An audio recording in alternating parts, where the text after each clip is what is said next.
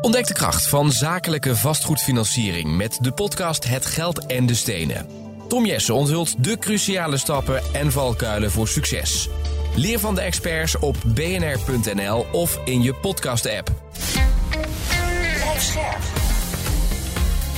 BNR Nieuwsradio. Vastgoed gezocht. Maarten Bouwhuis en Maarten de Gruiter. Weet je wat? We nemen er een vakantiewoning bij. Steeds meer Nederlanders zagen dit de afgelopen jaren als een mooie bestemming van hun spaargeld, waar ze toch geen rente op kregen. Maar ja, de omstandigheden zien er inmiddels wel anders uit. De vraag van deze week: loont het nog steeds om te investeren in een vakantiewoning? Dit is Vastgoed Gezocht, jouw wekelijkse update over de wereld van de stenen. Je hoort ons eh, elke maandagmiddag om half vier, s'avonds om zeven uur op BNR of gewoon uh, online via je eigen podcastspeler of bnr.nl.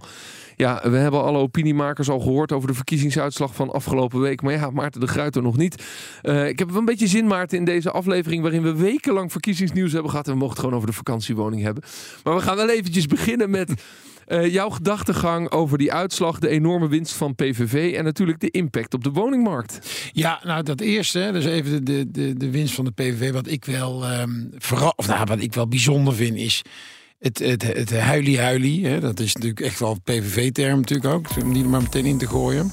Het ja, huilie-huilie van links. Het huilie-huilie van links, ja. En ik, ook mensen die ik dan die ik spreek, die zeggen... ja, we gaan demonstreren. En dan denk ik, nou, er zijn echt hele belangrijke dingen... de afgelopen jaren geweest om tegen te demonstreren. Ja, ik vind het wel een beetje... democratie is iets fantastisch...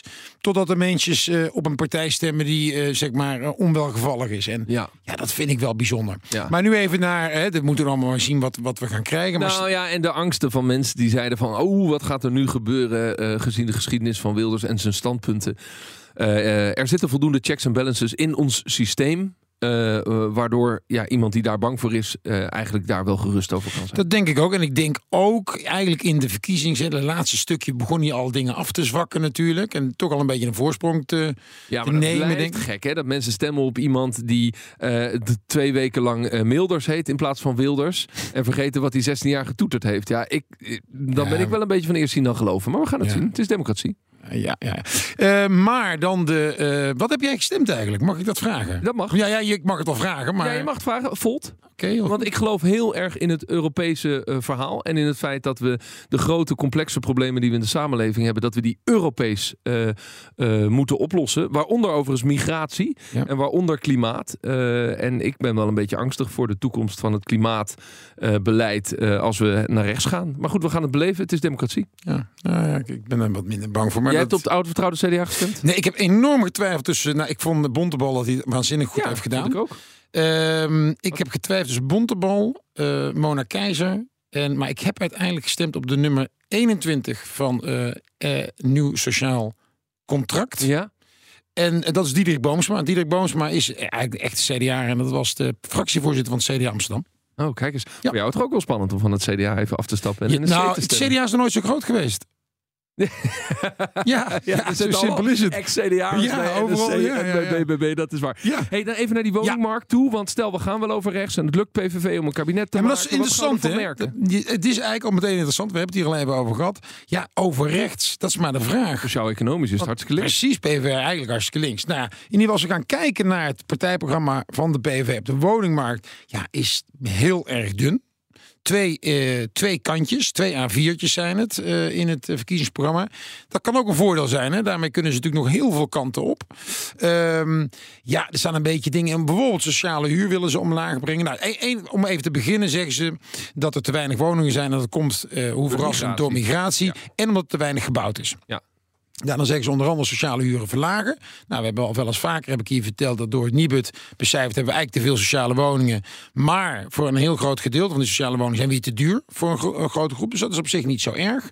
Um, maar dan zeggen ze ook meer woningen voor de Nederlanders. Dat is natuurlijk al mooi, overal staat dat. Meer sociale huurwoningen, meer huurwoningen, meer middenhuurwoningen en meer koopwoningen bouwen. Ja, hoe? Dat, dat staat er niet. Hè. Er zijn er een aantal punten uh, hoe we nou die woningen gaan krijgen. Ja, meer sociale huurwoning ben ik helemaal niet voor. Dat is natuurlijk een beetje weer toch. Uh, um, uh, Ja, dat willen de mensen natuurlijk graag horen. Het is populistisch, maar ja, er zijn genoeg sociale huurwoningen. Alleen mensen moeten kunnen doorstromen. Ja. Nou, dat, dat gebeurt nu niet. En eh, ja, de stikstofregels, dat, dat, dat- daar gaan we echt vanaf. Eh, als het aan de PVV ligt, nou hartstikke goed. Ben ik helemaal voor. Belemmerende stikstofregels van tafel. Is, eh, heel veel mensen zijn het daar ook niet met mij eens. Ja, en procedures verkorten voor gemeenten. Er staan eigenlijk een heleboel dingen in eh, waarvan je kan zeggen, nou, die zijn eigenlijk best wel logisch. Maar ja, het is één, één regel. Ja, eh, Ja, maar er is één regel, dus dat is lastig. En wat heel lastig is, is dat je kunt zeggen: ik haal belemmeringen weg. Nou, dat is wat de markt al heel lang tegen jou zegt: van ja, we willen de belemmeringen worden weggehaald. Ja. Maar tegelijkertijd wil die markt een soort vertrouwen hebben om te kunnen investeren. En als je blijft inzetten op lage huren en, eh, eh, en, en bouwen voor de onderkant, ja, dan gaat de markt dat niet willen. nee. Dus dan hou je alsnog die markt tegen om wel weer naar Nederland te kijken en te zeggen: we gaan hier investeren. Helemaal eens. En dat was wel grappig. Ik heb ook nog eens even nog eens een keer goed naar het eh Omtzigt zijn partijprogramma gekeken Ja. op woningbouw. Stel dat die nou samen gaan. Ja, dan zie je al veel meer onderbouwing. Hè, veel breder. Eh, ehm, eh, dus ja, ik heb, ik heb er ook wel weer vertrouwen in dat als de PVV aan de slag gaat, dat als daar eh, de ja, flinterdun kan ook betekenen dat er nog heel veel invulling is. Vastgoed gezocht. Jarenlang waren vakantiewoningen een populaire belegging voor mensen met een beetje spaargeld. Maar ja, nu de rente weer een stukje hoger ligt en box 3 is aangepast, ziet het rendement er ineens heel anders uit. Martin de Boer leidt het verhuurteam van Europarks. Ze hebben in Nederland, België, Oostenrijk en Duitsland zo'n 12.000 vakantiewoningen in de portefeuille. Nou, dan kun je nog eens weg. Van harte dat welkom, eh, Martin. Fijn dat je er bent. Dank, heren. Eh, jullie zien een andere markt inderdaad dan vier jaar geleden? Absoluut. Ja, wat is de belangrijkste verschuiving, verandering? Nou, de, de, ja, eigenlijk precies zoals de aankondiging. Het is eh, afgelopen jaar natuurlijk een negatieve spaarrente. Mensen hadden eigenlijk best wel geld op de, op de bank staan. Konden daar weinig mee. Zochten andere middelen om te beleggen. Ja, Eh hypotheekrente is natuurlijk ook omhoog gegaan. En, en de fiscale wetgeving Ja, veranderd. de Europese Centrale Bank heeft 80 miljard per maand in de markt gebracht. Ja. Dan klotst het op een gegeven moment tegen de plinten en is het gratis. Ja, En toen kwam corona en toen gingen nog meer mensen zeggen van nou dan ga ik mijn spaargeld daarin beleggen. Ja, je zag ook dat heel veel mensen natuurlijk gewoon een vakantiewoning echt wilden om naartoe te gaan. Was natuurlijk de enige plek. eh, nog eh, onze demissionaire premier eh, Rutte aangaf. eh ga naar een vakantiepark. En dat was ook voor mensen gewoon eh, een hele fijne plek om naartoe te gaan in de coronatijd. Ja, Dus er waren zelfs hele strenge regels dat, dat eh, in sommige dorpen in, in Zeeland mocht je niet naar het vakantiepark toe. Want je moest thuis blijven. Eh, en in die harde lockdowns mocht je daar niet naartoe. Ik heb vrienden van mij die gingen naar hun vakantiewoning met de gordijnen dicht. ja, Omdat ze er niet mochten zijn. ja, ja, de- die hebben we even heel kort gehad. En daarna was eigenlijk het vakantiepark het de vakantie waar je naartoe mocht nog. Ja. Ja, ja en dat was ook voor veel mensen het punt van, nou, als ik een vakantiewoning heb, kan ik daar eh, ook naartoe. Eh, en die, die hebben daar gewoon van Ja. genoten. Maar betekent dus nu eh, dat je weer minder eh, transacties ziet? Dat, dus dat mensen minder snel geneigd zijn om een vakantiewoning te kopen? Dus da, da, en, da- en wat heeft dan de meeste impact gehad? De rente of box 3? Ik denk box 3 en, en ja, eigenlijk beide. Toch de dat dit combinatie? de combinatie ervan. Hoe groot gedeelte van jullie parken is, is, eh, eigen, zijn de woningen eigendom van derden? Alle parken, alle woningen. Ah, oké. Ja. dus die 12.000 woningen hebben particuliere eigenaren? Ja. Allemaal particuliere Ja. Hoe snel verwisselt zo'n huisje eigenlijk van eigenaar? Nou, het blijft vaak heel lang in de familie. Het eh, gaat eigenlijk eh, over op kinderen, kleinkinderen. Eh, het is echt een familiebezit. En ja, wat we nu zien is eigenlijk eh, langer dan tien Ja. jaar eh, blijft in de bezit. En, en nieuwe eh, vakantieparken of nieuwe woningen, bouwen jullie die op risico? Of zoeken jullie daar eerst een koper bij en gaan ze dan bouwen? Eerst koper en dan bouwen. Een bepaald percentage. En dan ja, eigenlijk net als in de als- vastgoedmarkt. Ja, eh, ja, ja, ja. Dus een bepaald percentage moet verkocht zijn en dan gaan wij eh, bouwen. Jullie hebben je dienstverlening aangepast op die veranderende markt. Daar wil ik heel graag met je over praten. Maar eerst even een rekensommetje. Een gemiddelde vakantiewoning, eh, ja, die kun je tussen de ton en de zes ton krijgen. Maar laten we zeggen eh, twee ton. Dan kan ik daar nog een vakantiewoning voor kopen in Ja, Nederland? Dat, zeker. dat lukt wel. Hele mooi. Zeeuwse kust is wel wat duurder, geloof ik. Hè? Dan, moet ik, dan moeten we even in gesprek. Oké, ja. ja. Nou, de overdrachtsbelasting. Dus reken even met mij mee, beste luisteraar. 2 ton. Eh, wie heeft het niet? De overdrachtsbelasting eh, is dan 10,4 procent. Ja. Ja. dus die 20.000 euro die tik je direct af. Ehm, eh, je betaalt een ton uit eigen zak. Eh, dan moet ik 121.000 lenen tegen 4% rente. Dan moet ik 4.000 euro per jaar aflossen. Ik moet nog eh 4800 euro rente betalen. Dus dat tel ik allemaal bij elkaar op. Dan heb ik een jaarlijkse bijdrage aan het park, is ongeveer 2700 euro. Ja, 25. 2500. Dus dan heb ik een jaarlijkse kosten van 11.500 euro. Die ik dus als kosten heb als ik een woning wil kopen van eh 2 ton. Maar eh, daar komt de belasting nog bij. Namelijk box 3, 6,17% van de WOZ-waarde. En daar dan 30% vermogensrendementsheffing over rekenen. Bent u er nog? Als je alles optelt, kom je zo rond de 19.000 euro uit aan kosten voor en het hebben en kopen van die woning en de belasting die je jaarlijks moet afdragen. En dan heb ik het nog niet onderhouden. Dat betekent dat ik voor minimaal 20.000 euro de woning per jaar moet verhuren om rendement te maken. Klopt mijn sommetje ongeveer, Martin? Dat klopt. Ja, red ik dat? 20.000 euro per jaar verhuurinkomsten? Dat red je. Ja, dat is eigenlijk ook mijn job om, om dat eh, te redden. Ja, maar het Eh, lijkt me best lastig, want, want wat is dan de prijs voor een weekje? Nou, wat, wat op dit moment is eh, in de zo, hè, de, vooral in de zomermaanden. Nou, dan betaal je zo, zo en zo 1000 tot 1500 per week. Ehm, en dat, dat loopt op. Het ligt natuurlijk compleet aan waar het park is gevestigd. Ligt het eh, nou, in Zeeland, in Katzand of eh, ligt het op de Veluwe? Ehm, maar nee, dit zijn wel de bedragen waar wij eh, naartoe werken. Maar de, rente zit natuurlijk nu nog een stukje hoger. Ja. Dan 4% Dan 4 procent. Ja, dus je zit zo op 6. Eh, en, en dan wordt het wel even een beetje krap. Want als ik 1000 euro per week krijg, dan moet ik het 20 weken verhuren. Nederland heeft 12 vakantieweken. Ja. En, en, en die, acht, die andere acht weken, het zijn de regenachtige weken zoals dit. Ja, dan gaat er niemand op een vakantiepark zitten. Ah, het was eh, aardig druk hoor, deze, dit weekend bij ons. Maar dat is natuurlijk wat wij aan het doen zijn. Om, om, om ook in dat laagseizoen, wat natuurlijk het allermoeilijkste is, om, om daar de mensen naar de parken te krijgen. Maar dat is wel het streven is naar die 2025 minimaal te halen. Ja. Maar nogmaals, in dit rekenvoorbeeld, wat ik aangeef, is dat het wel, ja, dit is natuurlijk een scenario met geleend geld. Eh, ja, en dan wordt het gewoon veel minder interessant. Ja, ja. Zijn de meeste particuliere eigenaren die instappen, doen dat met 100% eigen geld? Heel veel, ja. Ja. Ja. Mensen hebben echt veel geld. Het Ja. is ongelooflijk. Dan, Ja, jullie echt- hebben als ja. antwoord op deze transitie, Nou op ja, deze verandering... sorry, eh, sterker nog, het lijkt me helemaal niet zo makkelijk om voor een vakantiewoning geld eh, überhaupt te lenen. Om daar eh, een hypotheek voor te krijgen. Nou, dat, dat is inderdaad moeilijker dan. Ja, Ja. wat Oh, dit wij zien voorbeeld is van heel- even 121.000 euro lenen, wat zeg maar Nee, de, de, helft, gebeurt niet veel. de helft van de LTV, Nee, dat, dat gebeurt niet veel. nee, absoluut niet. Nee. Echt heel veel met eigen geld. Ja, maar dan moet, je, dan moet je ook anders rekenen. Als ik er twee ton eigen geld in steek, dan heb ik ook gemin, gemiste eh, renteinkomsten eh, van als ik dat geld anders zou Tuurlijk. beleggen of Ja. eh, gewoon rente bij de bank zou krijgen, wat nu al wel weer 2% is. Ja.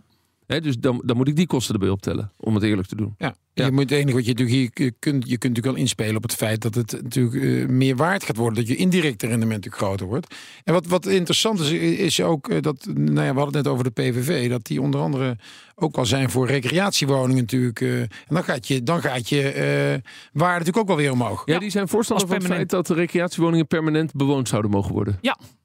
Ja, dat, dat, eh, Is dat interessant voor jullie? dat is zeker gaat interessant gebeuren? voor ons. Ja, Dan gaan er ook recreatiewoningen van de markt af.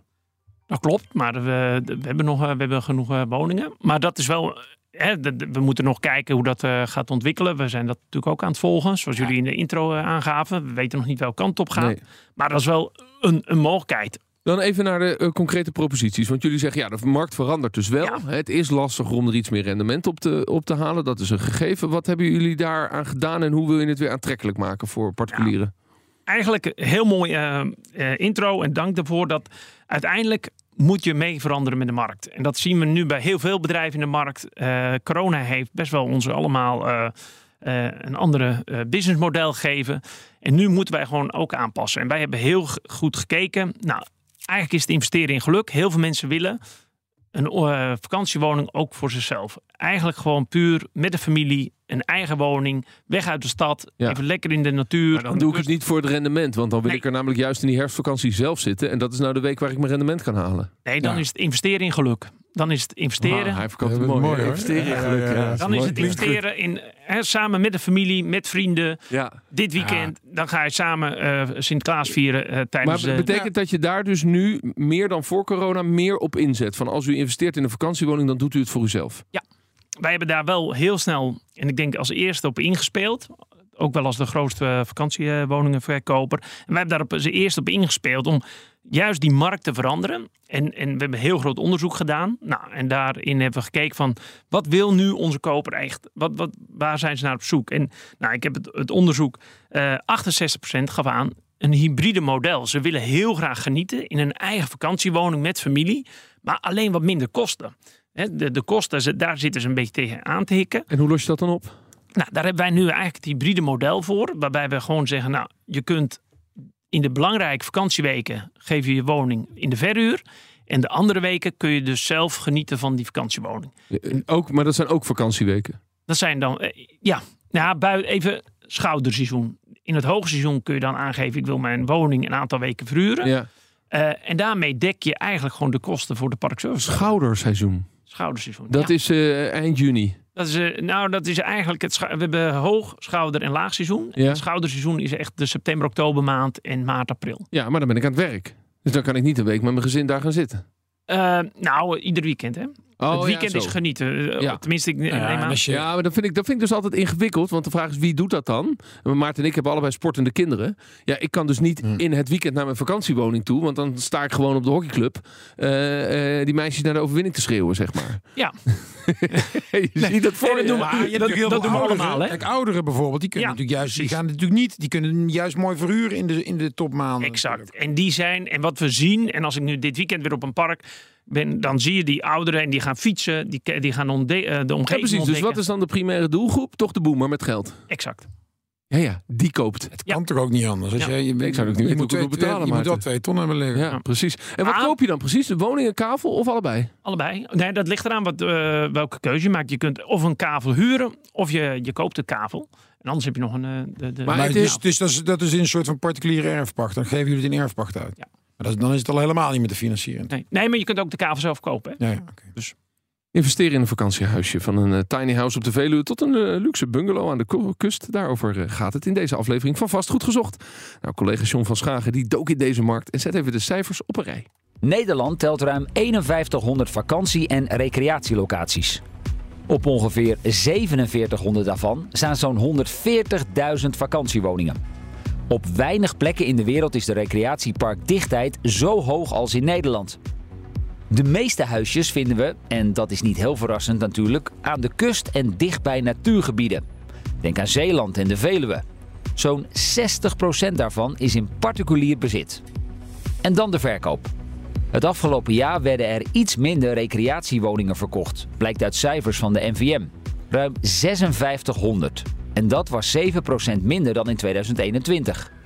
Maar als je dat historisch gaat bekijken, dan is het aantal verkochte recreatiewoningen nog steeds heel hoog.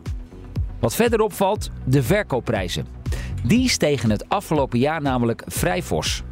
Gemiddeld betaalde je 223.000 euro voor een recreatiewoning. In 2021 was dat nog 179.000 euro. Maar dat betekent niet dat alle vakantiehuisjes in een jaar tijd 25% meer waard zijn geworden. Een groot deel werd in 2022 namelijk in een duurdere regio verkocht. En dat zorgt voor een wat vertekend beeld. En voor wat betreft die prijsontwikkeling, de NVM denkt dat het hoogtepunt in de markt alweer achter ons ligt. Ja, dat zei collega John van Schagen. Martin eh, de Boer van Europarks is onze gast. Het hoogtepunt van de markt ligt alweer achter ons. Dus nu instappen zou ik zeggen. Eh, eh, ik wil het even met je hebben over de risico's versus het rendement. Om daar toch even naar te kijken. Ik begrijp dat jullie inzetten op geniet voor jezelf en je familie. En we willen je ontzorgen. Maar toch, er zijn voldoende mensen die zeggen... ik ga dan mijn 2 of mijn 2,5 ton daar insteken. En daar moet ik ook voldoende rendement ophalen. Op jullie site lees ik een gegarandeerd rendement. Dat zie je ook vaak langskomen in dit soort advertenties. Kun je dat nou zo hard maken? Kun je een gegarandeerd rendement geven? Ja, die, eh, op bepaalde woningen geven wij een gegarandeerd rendement. En Ook al wordt die nul weken verhuurd. Nou, gegarandeerd rendement is gegarandeerd rendement. Dus Ja. dan geven wij het rendement wat wij garanderen. Eh, en dan is de, de, die, dat risico ligt bij ons. Ja, maar dan de, daar hoort bij eh, dat jullie het risico nemen om hem te verhuren. Ja. Maar dat ik zelf niet kan kiezen wanneer ik erin ga. Nee, dan, dan is het echt een belegging. Dan, dan investeer je. Dat betekent dat je eigenlijk geen, eh, misschien één of twee weken, maar dan niet in de woning kan. Nee, precies. En, en als je naar een model gaat waarin je er zelf ook een aantal weken wil zijn, Ja. dan kan er geen sprake zijn van gegarandeerd Nee, rendement. maar- Nee. Maar ja, Nee, maar dan kom je heel moeilijk in een situatie terecht dat iemand zegt: Ik ga in de, Ja. in de, in de En dan gaat het over 7 tot 8 procent. Dat is eigenlijk een bruto rendement waarvan de kosten voor onder meer onderhoud en reparaties nog niet zijn afgetrokken. Klopt dat? Dat klopt. Ja, dus je moet eigenlijk kijken naar het reëel netto rendement. Ja, alleen hier dan, je betaalt dan geen kosten voor parkservice, eh parkservicebijdrage, geen energie, eh et cetera. Nee, ja, maar, dat is dat er gegarandeerde rendement is Ja, dat. ja. Maar als je het even los dat gegarandeerde loslaat, hè, want eh, dan kom je dus op die 7, 8 procent uit. Bruto, maar, hè, want, maar netto. dan moet ik is- het nog onderhouden. ja, nee, nee, maar je, in je rekenvoorbeeld, het is op dit moment natuurlijk gewoon, je houdt niks over. Het is heel moeilijk gegarandeerd rendement nog wel. Ja, dan wel. Alleen Ja, dan dat, is, dat is bruto.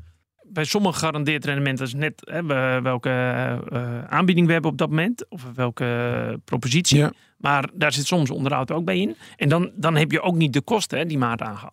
Nee, nee maar oké, maar stel, ik weet niet, wat, wat is dat gegarandeerde rendement dan? Nou, Met de kosten eraf? Nou, tussen 5 en 7 procent. Nee, precies, maar dan ga je dus bijna, dan ga je bijna, kun je het bijna bij de bank zetten, bij wijze van spreken, of obligaties. Ja, het is Dat niet natuurlijk meer het iets waar je probleem nu. 10% rendement kunt Ja, maken. nee, maar ik- dus ik helemaal geen verwijt. En het is Nee. gewoon nu de markt. Nu, dat, dat kan dus Ja. bijna niet. En, Ja. en dan helemaal niet met de fiscale Maar het regels. wordt berekend zonder waardestijging. Ja. Dat roept wel de vraag op hoe reëel is de waardestijging van een recreatiewoning. Want er staan ook veel kleine recreatiewoningen op de Zeeuwse kust. En, en die zijn na 20, 30 jaar eh, ja, bijna op. Zeg maar. Alleen al van het weer wat er overheen jaagt. Dus, dus wat is eigenlijk de waardestijging van een recreatiewoning?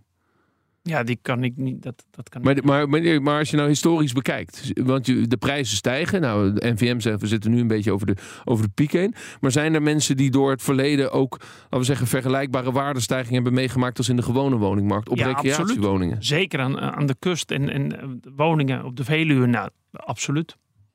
Daar Hoe komt, dat, hoe komt dat eigenlijk? Want er is een enorme focus op die kust. Eh, ik, heb, ik heb wel eens ook, zelf ook wel eens gezocht. En dan zie je dat de prijsverschillen met, eh, met Drenthe, waar je prachtige bossen hebt en natuurgebieden ten opzichte van de Zeeuwse kust, dat is echt enorm. Ik kan hem wel, eh, ik Ja. kan hem wel een boekje open doen. Graag. Ehm, nou, de, voor de kust is de Duitse vraag uit Duitsland is enorm. Die, dat is echt dat alle Duitsers willen eigenlijk naar de Nederlandse kust. En, die daar, en dat zie je veel minder in de Veluwe. Eigenlijk alle zoekopdrachten vanuit Duitsland zijn kust. En Ja, dat- dus, het, dus het komt door, eh, door de boeker, de Duitser. Die wil daar zitten. Ja. En dat stuurt eigenlijk de prijzen op. Yep. Ja. Is het ook duurder om daar een woning te, te, te bouwen of, of de grond eh, te verkrijgen? Nou ja, de- alle marktpartijen weten natuurlijk de, de vraag. Dus, dus ook dat eh, loopt iets hoger op dan, eh, op een, dan in Groningen of in Ja. Friesland. En hoe is het eigenlijk met de weerstand van de Zeeuwen tegen die overload aan vakantieparken daar? Nou, die zijn er ook wel kritisch Ja, op. daar heb je ook Ja. mee te maken, toch? Ja, maar dat is toch de primaire bron van inkomsten? Ja, dus moeten ze niet piepen. Nou ja, god, ja, ja, zo, zo lijkt me een beetje lastig, ja. Ja. Kan En wel. het toerisme is natuurlijk heel belangrijk. En jullie hebben nu 52 vakantieparken. Ehm, komen er alweer nieuwe projecten aan? Ja, we zijn nu vooral in Duitsland aan het eh, kijken in Biggezee en in Oostenrijk. Moet je me Dus even helpen. als Waar ligt dat in Duitsland? Noord-Rijn-Westfalen. Ja, eh, Niet zover. Niet zo ver. Ehm, prachtige locatie aan het meer, aan de Biggezee. En in Ossiacherzee, in Oostenrijk. En nou, we hebben net Kagenplassen, ze zijn we nu aan het bouwen. Dus dat eh in Maar wat Nederland. betekent dat? Twee nieuwe projecten in het buitenland. Eh, Zitten we in Nederland aan onze limiet eh, qua, qua vakantieparkenbestemmingen? Nou, ik denk dat de Nederlandse markt wel goed verdeeld is op dit moment. Een slotvraag. Wa- Waar staan jullie dan over vijf jaar? Want je zegt, we zijn dus nu onze propositie een beetje aan het veranderen. We zien dat de markt verandert. Nou, wij kunnen met z'n drie niet voorspellen wat de rente gaat doen. Nee. Hè? En, en of die recessie nog, nog groter wordt. Of dat we heel snel weer in een... Hè, we zitten nu in een lichte recessie. Of dat we heel snel weer in een, in een soort van hoos komen. Dat weten we allemaal niet. Maar wat is jullie strategie? Waar wil je over vijf jaar staan? Ja, dat je gewoon uiteindelijk gewoon iedereen een gezond rendement kunt aanbieden. Eh, maar vooral, en, en dat is een klein deel eigenlijk van onze kopers. Maar vooral dat mensen gewoon kunnen genieten van een vakantiewoning. En daarbij ook nog kunnen verhuren. Zodat ook gewoon gasten naar ons park kunnen komen. Nou, daar spelen wij continu op in. We hebben nu ook een lease mogelijkheid. Dus eh, de, de, de jongere generatie onder ons, die, die hebben eigenlijk niet meer dat, dat Ja, die gevoel hebben dat van bezit kapitaal ook niet. en dat kapitaal niet. En nou, die willen toch af en toe eh, willen, eh, kijken hoe dat is met een vakantiewoning. Dus nu kun je bij ons een, een, een vakantiewoning leasen vanaf 4,99 per maand. Nou. Dus het is eigenlijk anders dan huren, want dan lease je dus een vaste woning. En dan wordt het toch een beetje je eigen woning. Ja. Net zoals een leaseauto, die mag ik ook zelf vies maken. Ja. ja Dus gewoon dat. een private lease. ja, en ik denk dat wij daar eh, t- totdat gewoon in een, in een gezonde mix van mensen die gewoon genieten op een park eh, zelf. Tot aan eh, vakantiegangers, tot aan mensen die met rendement. Ik zei vanochtend tegen de kinderen, eh, het is vandaag maandag, eh, als u dit luistert. eh, nog vier weken, dan hebben we weer vakantie. Ik krijg er alweer helemaal zin in. Dan- maar we moeten nog even vier weken werken door de regen heen. Martin de Boer van Europarks, dankjewel voor dit gesprek. Dat Dank. was hem alweer vast goed gezocht. Abonneer je even op de podcast, dan krijg je automatisch een bericht als er een nieuwe aflevering klaar staat. Eh, Maarten, dankjewel. Fijne week. Tot volgende week. Bedankt voor het luisteren. Dag. Vastgoed gezocht wordt gesponsord door Mogelijk. Mogelijk. Vastgoedfinanciering voor ondernemend Nederland.